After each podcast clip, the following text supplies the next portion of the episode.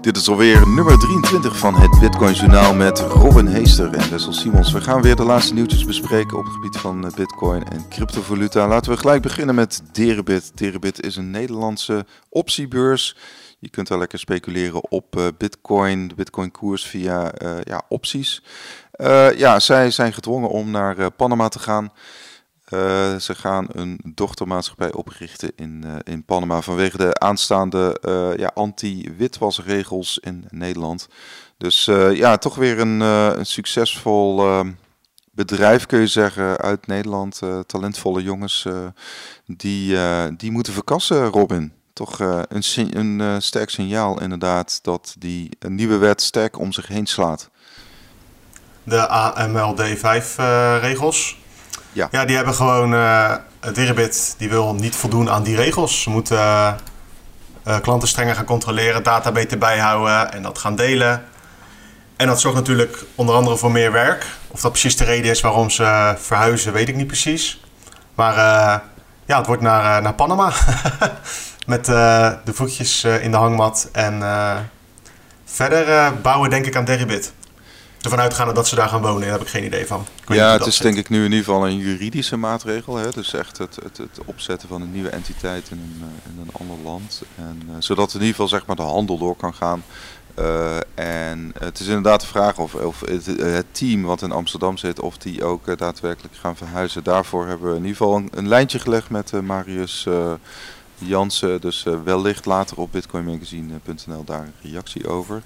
Um, ja, toch, toch inderdaad uh, de, de, het volgende ja, slachtoffer tussen haakjes uh, van, uh, van deze nieuwe wet. Deribit is een internationaal speler, hè? dus zij zijn de uitdager van Zeker. bijvoorbeeld Bitnex en, en OKX en zo. Um, en ja, ze hebben de afgelopen jaren toch wel een behoorlijke business opgebouwd. veel eigen technologie ook ontworpen, zeg maar. en um, ja, goed. Um, in ieder geval uh, opvallend. Wat ook opvallend is, is dat uh, de WWFT, mm. dus de uh, Wet tegen Witwassen en Financiering van Terrorisme, die wordt uitgesteld in Nederland.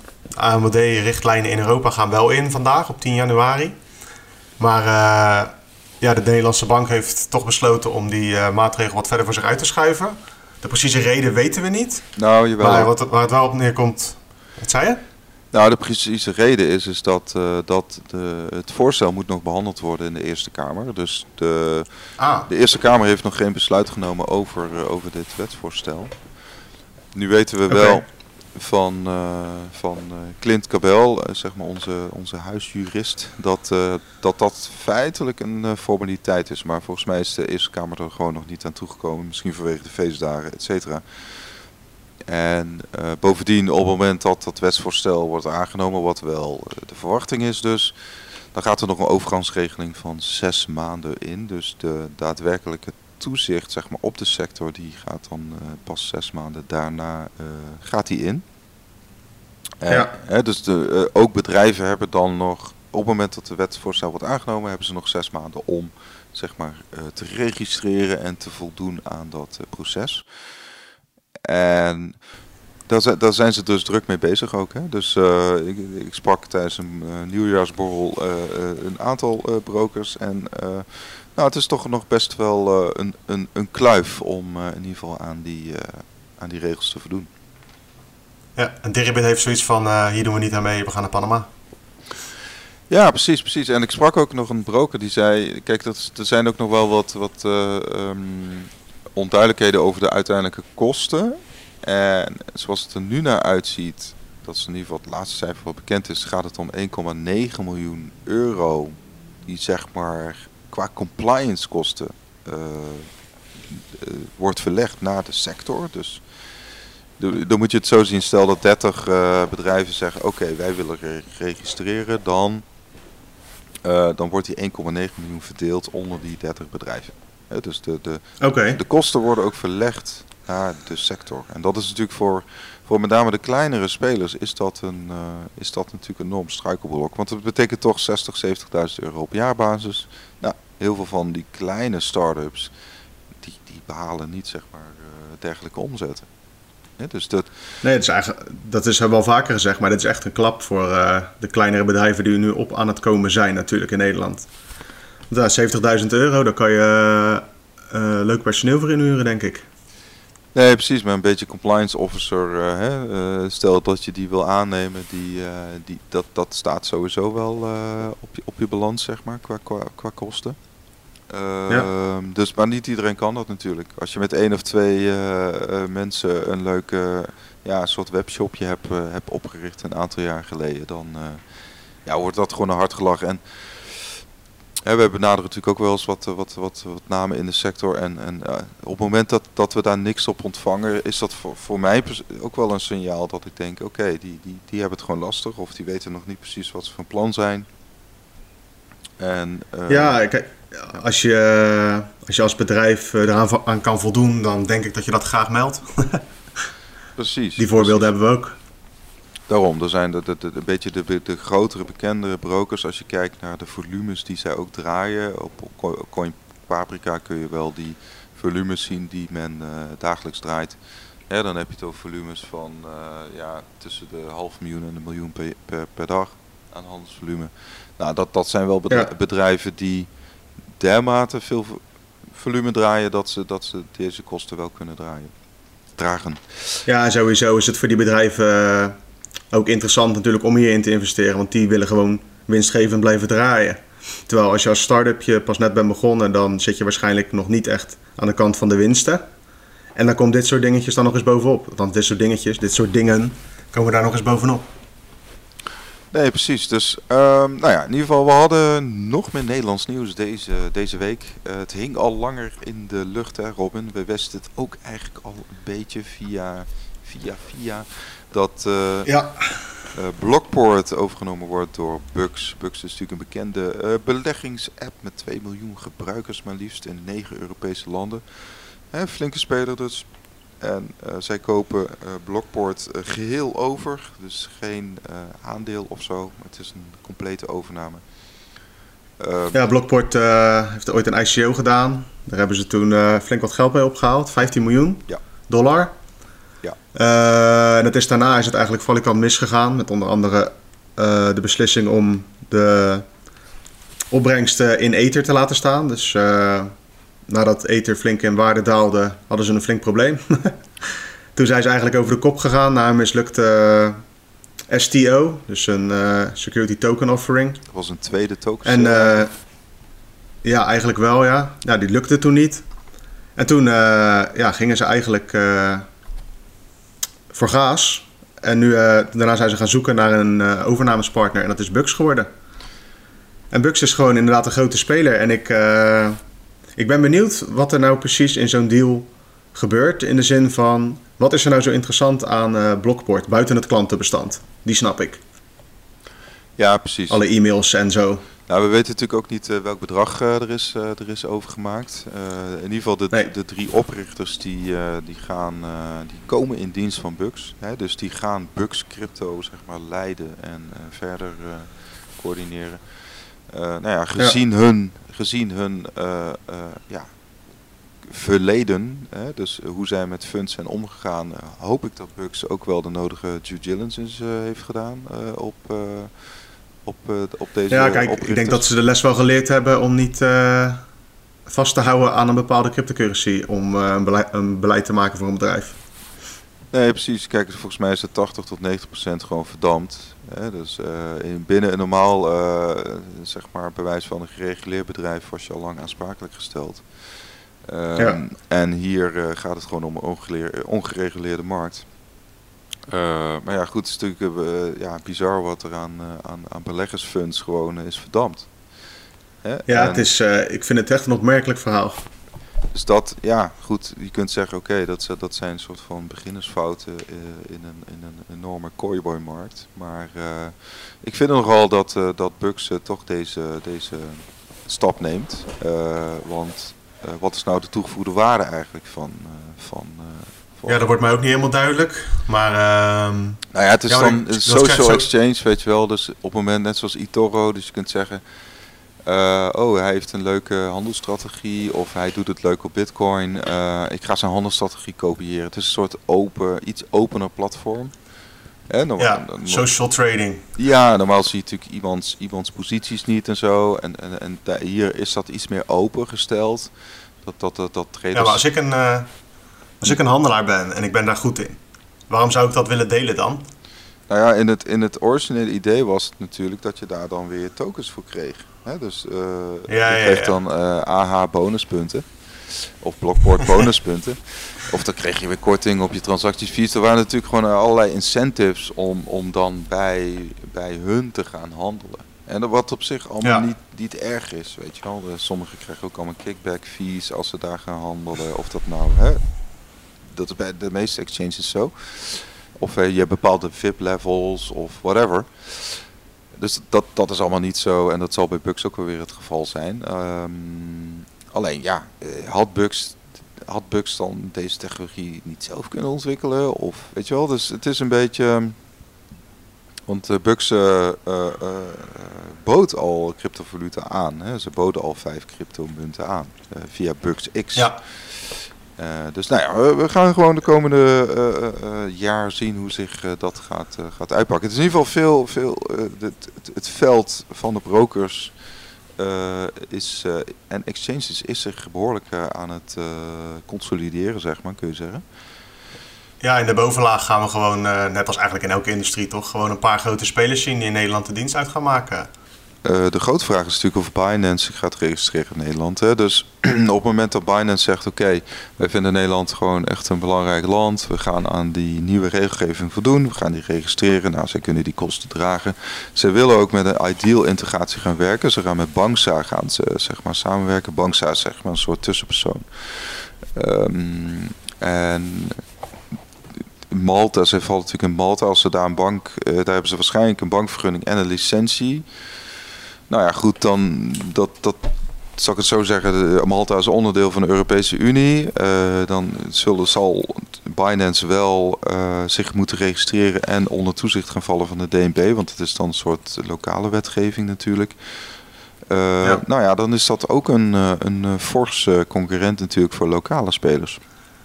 Ja, of ze gaan net als Deribit op Panama zitten. Ja, dat weten we met, weten we met Binance natuurlijk nooit. Dus uh, er is in ieder geval onlangs een Europese manager is overgestapt naar uh, crypto.com. Uh, dat is ook al een signaal dat zo iemand vertrekt. maar goed, we, kan ook. We, we, gaan zien hoe zich dat verder ontwikkelt. Maar de, de het Nederlandse met Bucks Crypto in Nederland en ook mogelijk Binance in Nederland met een ideal integratie kan dat, uh, kan dat een leuk uh, concurrent worden voor de Nederlandse spelers. En het is voor de consument alleen maar goed uiteindelijk, hè? meer concurrentie, daar komt het wel op neer. Kijk, je moet niet hebben dat één speler heel de markt overneemt. Maar als er een paar zijn die elkaar lekker beconcurreren, met name op prijs, is alleen maar voordelig voor de meeste handelaren, slash gewoon mensen die bitcoin willen kopen. Ja, want dat wordt de centrale vraag. Waar ga je dan op concurreren? Hè? Dus dat, dat zal misschien prijs worden, dat zal misschien uh, transactiefees worden. Dat, dat uh, idealiter wordt dat op service. Hè? Dus uiteindelijk gaan. Dit is gewoon een commodity natuurlijk, uh, Bitcoin, zoals bij wijze van wasmachines. Dus uiteindelijk moet je gaan. Uh, ja, je moet gaan concurreren, zeg maar. Ik heb het over de handel, hè? Niet, niet over technologie. Dus de, de, de, handelaren die moeten ergens op gaan, gaan concurreren. Dat zal, dat zal waarschijnlijk een service- en dienstverlener zijn. Dus op, ze zeggen dan, ja, we hebben Nederlands sprekende service klantservice bijvoorbeeld. Ja. dat, dat kan natuurlijk voor, voor bepaalde mensen uh, een vertrouwen, ja, meer vertrouwen geven. Van, nou, als er iets misgaat. Ja, ik denk uiteindelijk dat het op neerkomt gewoon waar het goedkoopst is. Voor de meeste mensen. Dat zien Daar we. trekt toch de markt naartoe normaal gesproken. Ja, ik denk we gaan we gewoon een parallel zien met de energiemarkt. Je gaat gewoon prijsvechters krijgen. Mensen die met drie maanden gratis uh, handelen of drie maanden, weet je wel, een jaar gratis uh, geen transactie. Je gaat gewoon veel echte prijsoorlogen krijgen uh, in, in crypto. En nou ja, goed, ja. uiteindelijk. er zijn maar zoveel miljoen bitcoins. Dus ja, hoe de handel daar uiteindelijk mee omgaat, dat, dat wordt een leuk, leuk spelletje voor ons om te volgen. Dat gaan we zien. En dan uh, blijven we even bij de beurzen. Want er staat nu uh, maar liefst een 10% van alle bitcoin uh, bij cryptobeurzen gestald. Volgens data van Glassnode.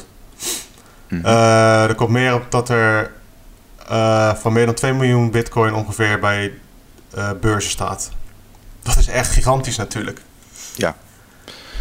Nou, we hadden laatst miljarden, ook... miljarden aan, aan bitcoins in dollarwaarde. Ja, precies. We hadden laatst ook een nieuwtje toch van uh, Bitmax, die ook gewoon 35.000 uh, bitcoin uh, in een apart fonds heeft zitten. Ja, in het reservepotje. Het reservepotje, inderdaad. Ja, het zijn enorme oorlogskassen waar, waar deze tussenpersonen op zitten. En ja, dat, dat, ja, goed, daar, daar, zou ik zo zeggen, dat staat eigenlijk los van de technologie. Hè? Je hebt natuurlijk uiteindelijk geen invloed op uh, waar uiteindelijk die 21 miljoen bitcoins terechtkomen. Hè, toch? Je... Nou ja, elke gebruiker heeft daar zelf invloed op. Precies, toch? precies. Ja, dus dus uh, ja. dat, dat, het, uh, als je het hebt over gelijkheid, hè, gelijkheid in de markt. Ik bedoel, het is een super kapitalistisch ja, asset in die zin. Omdat ja, in die zin de exchanges op dit moment ook wel een dominante uh, speler zijn. In de zin van, uh, ja, die trekken ook heel veel bitcoins naar zich toe. Zeker, kijk, uiteindelijk zijn ze wel natuurlijk verplicht uh, om de bitcoin die jij daar hebt staan, als je die terug wil, om die terug te geven. Mm. Totdat ze het niet doen. en dan heb je een soort van probleem, omdat je... Uh, ja, er kan dus niemand zeggen op het bitcoin-netwerk van... hé, hey, die bitcoin moet ergens anders heen. En als zij het niet versturen en ze zeggen van... ja, we hebben het niet meer, dan is het gewoon weg. En dat zijn, uh, of dat nou door een hack gebeurt of door mensen die op wat voor manier dan ook uh, de boel belazeren. Dat gevaar is er gewoon altijd als je bij uh, een beurs je bitcoin stalt. Tegelijkertijd ja, lijken toch veel mensen zich daar niet echt druk om te maken. Ja. Ja, en je ziet ook in die grafieken van Glassnode dat, dat zeg maar de, echt in 2019 is die aantal bitcoins echt ja, zoveel vervoudigd, zeg maar, op de exchanges. Hè? Dus, dus je kunt zeggen, uh, 2019 staat ook dus in het teken van, van exchanges die bitcoin oppotten. Uh, ja. nou ja, oppotten. Meer mensen die storten het daar in ieder geval. En die hebben toch zoiets van, nou, blijkbaar is het daar veilig genoeg. Ik heb mezelf daar met twijfels bij. Want, ja, ik snap niet, als je met bitcoin bezig bent, dan is een, een van de regels voor mijzelf in ieder geval van probeer het allemaal in eigen beheer te houden. Dat is juist het mooie. Precies, precies. Ja, wij hebben het allebei ook een eigen beheer, weet je wel. En het geeft toch gewoon, ja, mij geeft dat een veiliger gevoel dan, uh, dan op een ex, bij een externe partij. En je hebt, ja. je hebt ook wel gezien dat op het moment dat je bijvoorbeeld met een CoinJoin gaat werken, dat, dat je funds ook uh, bevroren kunnen worden door, uh, door een derde partij. In dit geval was dat Binance in Singapore. die, ja. die zegt van ja, je mag niet bij je bitcoin. Ze hebben dat later wel vrijgegeven, et cetera. Maar wel met, weer met een aantal voorwaarden. Maar dat is wel het risico wat je, wat je neemt. Want naarmate ook de regels, en je ziet voorbij, persoonlijk staat 2020 ook in het teken natuurlijk van de helfning, maar ook van regulatie. Want je ziet gewoon dat, ja, dat uh, de C, uh, SEC, de ESMA, ook, nou ja, goed, we hadden New York inderdaad, wat ook wel toch een belangrijke staat is. Uh, die komen gewoon met nieuwe regels. En uh, de, de, de, regels zullen strenger worden. Uh, dus de, de, de, met name dan voor de handel, zeg maar. Dus. En. Nou ja, dat, dat, dat, dat kan natuurlijk ook gewoon wel een goede uitwerking hebben. Maar net zoals met elk beleid heeft het altijd negatieve en positieve effecten. Dus we gaan zien wat die negatieve positieve effecten zullen gaan zijn. Dus... Ja, en het is aan Bitcoin vervolgens om uh, er zo min mogelijk van aan te trekken.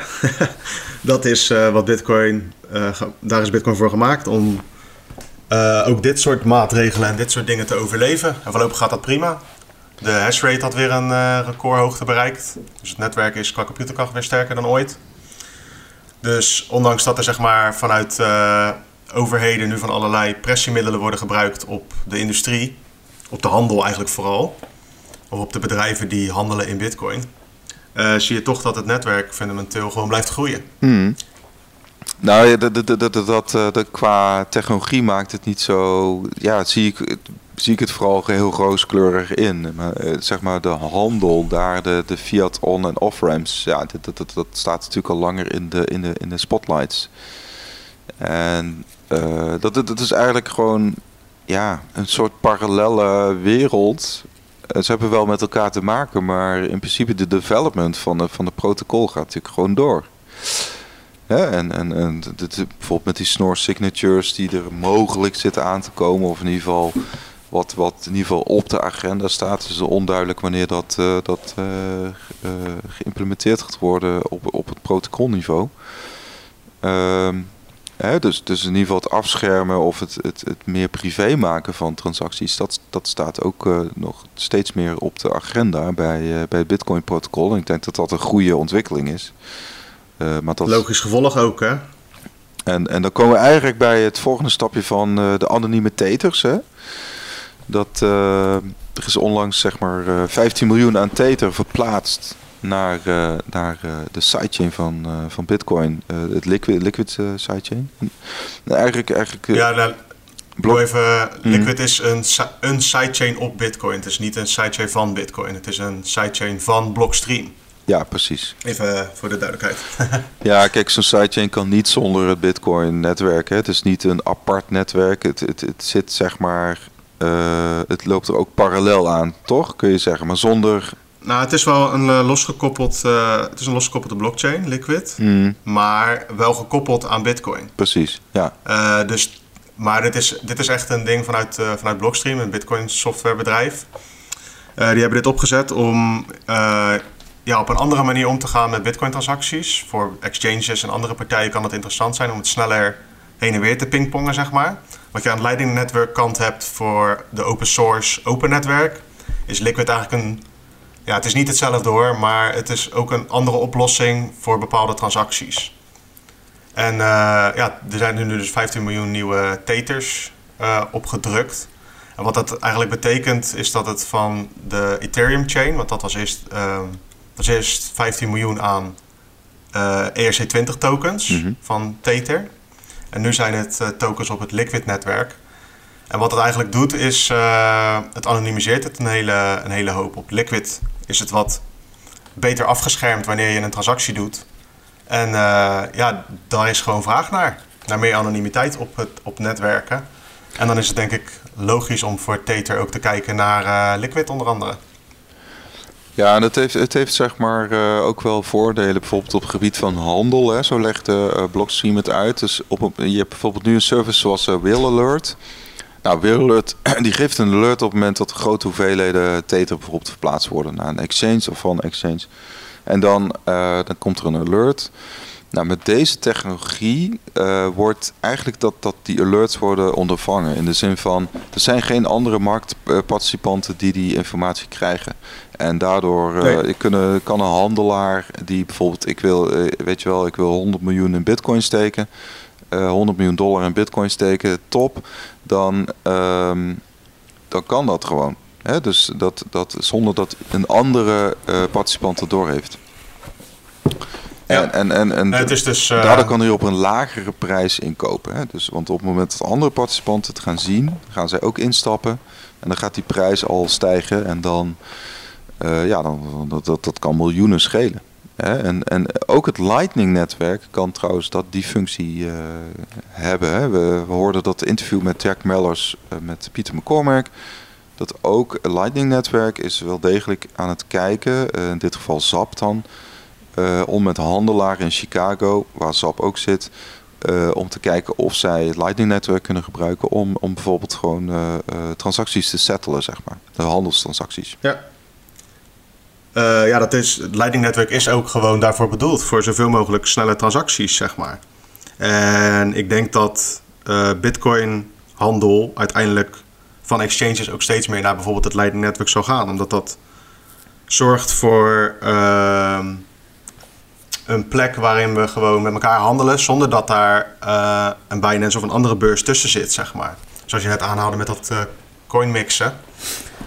Dat probleem heb je niet als je onderling gewoon handelt, dus peer-to-peer. En ik denk dat, uh, ondanks dat exchanges dat nu gaan gebruiken, denk ik dat je op termijn daar ook heel veel peer-to-peer handel gaat zien.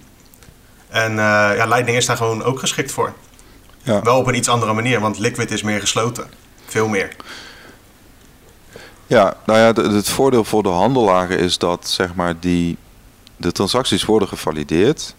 Maar bijvoorbeeld, uh, de, bijvoorbeeld een bedrag wordt, wordt afgeschermd. Hè? Dan heb ik het even over Liquid. Ehm, het is natuurlijk wel even de vraag. Hè? Het zijn allemaal gereguleerde partijen die daar dan met deze technologie aan de gang gaan. Hoe dan inderdaad weer de toezichthouders hiermee mee, mee omgaan. Maar kijk, zoals ik, het een beetje speculoos hoor, maar kijk, als jij als handelaar kunt zeggen: Oké, we hebben, weet ik veel, 10 miljoen via deze technologie gedaan, hè, dat is helemaal gevalideerd. Uh, en zeg maar, die, die, die bedragen zijn naar uh, A, B en C gegaan, zeg maar. Mm Alleen op, zeg maar de, op het moment van de markt zijn die transacties, die, die, de, net zoals in de huidige markt, zijn natuurlijk die transacties niet zichtbaar. Hè, ik bedoel, als, als zeg maar ABN AMRO en de ING zeg maar, ook miljarden uh, zeg maar, versturen, zeg maar, dan is dat ook niet zichtbaar voor de buitenwereld. En zo geldt het ook voor deze transacties. Dus in die zin, ik denk niet dat er inderdaad qua compliance uh, uh, daar, daar issues mee, mee komen. Dat zal gewoon onder een bepaalde regulatie gaan vallen. ja, ik denk dat dat. maar goed, we dus... gaan wel zien hoe dat zich uitpakt. Ik denk dat je gewoon als bedrijf dan eh, de boekhouding op orde moet hebben en het kunnen, moet kunnen verantwoorden waar het geld vandaan komt. Precies, precies. Daar komt het op neer. Het is niet zo, kijk, dit soort technologieën, maar goed, dat, dat, dat is echt iets anders dan coin mixen, zeg maar. Kijk, die, die, die coin mixen, dat, kan ik me iets bij voorstellen, zoals die best mixer. Die is toen ook opge, opgerold door de Field. En dan komen we dadelijk uh, op het Field nieuwtje. Um, ja, dat, dat, dat, dat, daar had het alle schijn van, in ieder geval de, de Fiat had dermate bewijs dat, dat criminelen daar uh, veel uh, gebruik aan het maken waren. Ja, en dan is het natuurlijk een ander verhaal. Dus als het als, als een, een technologie gebruikt wordt om, om, om wit te wassen, dat is een ander verhaal dan, dan uh, gereguleerde handelaren die het gebruiken als een tool voor een business. En waar ze ook gewoon over rapporteren. Dus dat is een heel ander, ander business. Ja, maar Liquid, Liquid en mixers zijn natuurlijk ook heel anders. Hè? Want mixers begint gewoon allemaal plaatsen op het Bitcoin-netwerk. Ja. Uh, en Liquid is gewoon een aparte sidechain met een x aantal mensen of partijen die, die dat netwerk runnen. Het is gewoon twee compleet verschillende dingen. Nee, eens, eens, eens. De Fiat uh, was ook in het nieuws. We hadden kort uh, de persvoorlichter gesproken. En het aantal informatieverzoeken naar crypto-exchanges neemt toe. In ieder geval Kraken, uh, die uh, had erover gerapporteerd. Hè. Uh, eh, 2019 waren er acht verzoekjes. nee, in 2019 waren er 86 verzoekjes. 2018 waren er acht. Dus er was een behoorlijke toename. Komt gewoon eigenlijk ja, meer kennis bij, bij de Fiat. En ze zien dus ook dat er ja, steeds meer onderzoeken daardoor gestart worden naar financiële fraude. Dus ze hebben een aantal ja, specialistische teams bij de Fiat en volgens mij ook bij de eh, politie die, daar, eh, die daarmee bezig zijn. En, ehm, ja, ze geven ook aan dat het echt een prioriteit is hè, voor de field. Ze hebben in 2017 eh, de Financial Advanced Cyber Team opgericht, of gestart binnen de field. Ja. ja, en die richten zich gewoon op het in kaart brengen van de geldstromen van crypto. En aan de hand daarvan gaan ze verder op onderzoek uit als dat nodig is. Ja. En ze doen dan een uh, verzoek indienen bij de beurzen van joh, ik heb informatie nodig van deze en deze persoon. Hebben jullie die? En dan, uh, zeker zo meteen met de nieuwe regels, als dat helemaal in werking is getreden, dan uh, gaat iedereen daaraan voldoen in de zin van, dan moet je wel, als je nog mee wil doen. En dan is het, ja, het gaat gewoon toenemen, al die aanvragen. En op zich is daar weinig mis mee, denk ik, in de zin van, um, als je hier in Nederland woont, dan um, heb je te maken met deze belastingdienst. Daar hoef je het er niet mee eens te zijn, maar dat is wel wat er gaat gebeuren. Dus we weten het met z'n allen. ja, en je, en, je, moet ze ook niet onderschatten, hè? want uh, er is best wel wat geïnvesteerd, uh, ook uh, bij overheden, in, gewoon kennis en, en kunde, zeg maar, in, in specialisten. Dus, en er wordt natuurlijk toch in die zin op de achtergrond steeds meer systemen aan elkaar gekoppeld. Ja, dat heeft allemaal te maken ook met die anti, uh, nieuwe anti-witwaswet. Uh, steeds meer systemen worden gekoppeld. Uh, dus ja, goed. In die zin, sowieso natuurlijk. Gewoon netjes je belasting opgeven over je crypto. En um, nou is het ook zo dat je moet ook wel heel veel crypto hebben. Volgens mij meer dan 60.000 euro aan crypto. Als je bijvoorbeeld een fiscaal partner hebt, wil je zeg maar niet onder een vrijstelling vallen. Dus alles onder die 60.000 euro valt onder een vrijstelling. Dus, en daarna ga je pas vermogensbelasting betalen. Um, goed, uh, nog laatste, want we hadden toch wel een heet weekje achter de rug vanwege nou, de Amerikaanse aanval op Iran. Iran die ook een tegenaanval en dat had alle effect op de bitcoinprijs. Tenminste als we kijken naar de koers en ja, de, de, verschillende momenten in die ja, kortstondig, uh, dat kortstondige conflict. Wat natuurlijk nog steeds uh, uh, door, doorspeelt, maar misschien op een iets minder intens niveau. Toch, Robin? Ja, je zag na de initiële actie op die generaal. Was het de generaal? Ja. Of de second in command of zoiets in die trant van Iran uh, daarna zag je gewoon de goudprijzen en de bitcoinprijs gewoon eventjes flink pieken. Daarna, zeker bij bitcoin, ik weet niet, ben niet naar goud gekeken, is dat ook wel weer redelijk rechtgetrokken. Maar de markt reageerde er wel op, in de zin, tenminste, zo lijkt het. We kunnen dat, je kan dat nooit met zekerheid zeggen. Want ja, bitcoin doet wel vaker gekke sprongen, ook als er niks gebeurt. En soms ook, springt hij ook naar beneden als er wel wat gebeurt waardoor het misschien zou kunnen stijgen. Ja. Dus het is ook soms een beetje zoeken naar redenen voor de stijging. Technische factoren, ja. Ja, nou het is als je die grafiekjes opzoekt, dan zie je wel duidelijk dat goud en bitcoin tegelijkertijd reageren op het moment dat dat nieuws een beetje naar buiten komt. Ja, dus je kunt zeggen, oké, bitcoin heeft in ieder geval een soort van positie verworven uh, bij een bepaalde groep beleggers.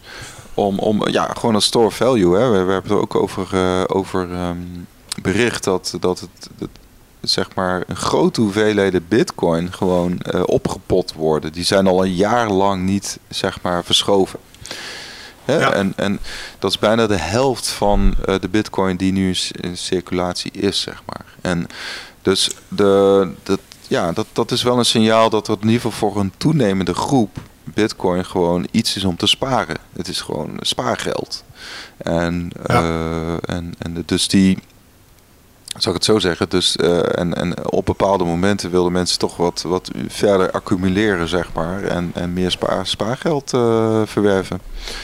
En um, um, door, het, door het daarin te stoppen, uiteraard. Dus uh, nee, inderdaad, het is, het is altijd een combinatie van, inderdaad. Maar het, het, het, het kan wel een aanleiding zijn dat, dat zo'n extern nieuwsevent uh, bepaalt dat ja, gewoon bepaalde technische factoren in de, in de grafiek zeg maar versnelt of juist doorbreekt of weet je wel. En um, iemand zei het wel heel wijs, er moeten altijd meer kopers zijn dan verkopers. Hè? Dus het blijft gewoon een markt waar... Nou, je hoeft niet meer verkopers te hebben of meer kopers. Het gaat om de hoeveelheden natuurlijk. Ja. Als je één koper hebt die nee, uh, met miljarden eens. smijt. Klopt.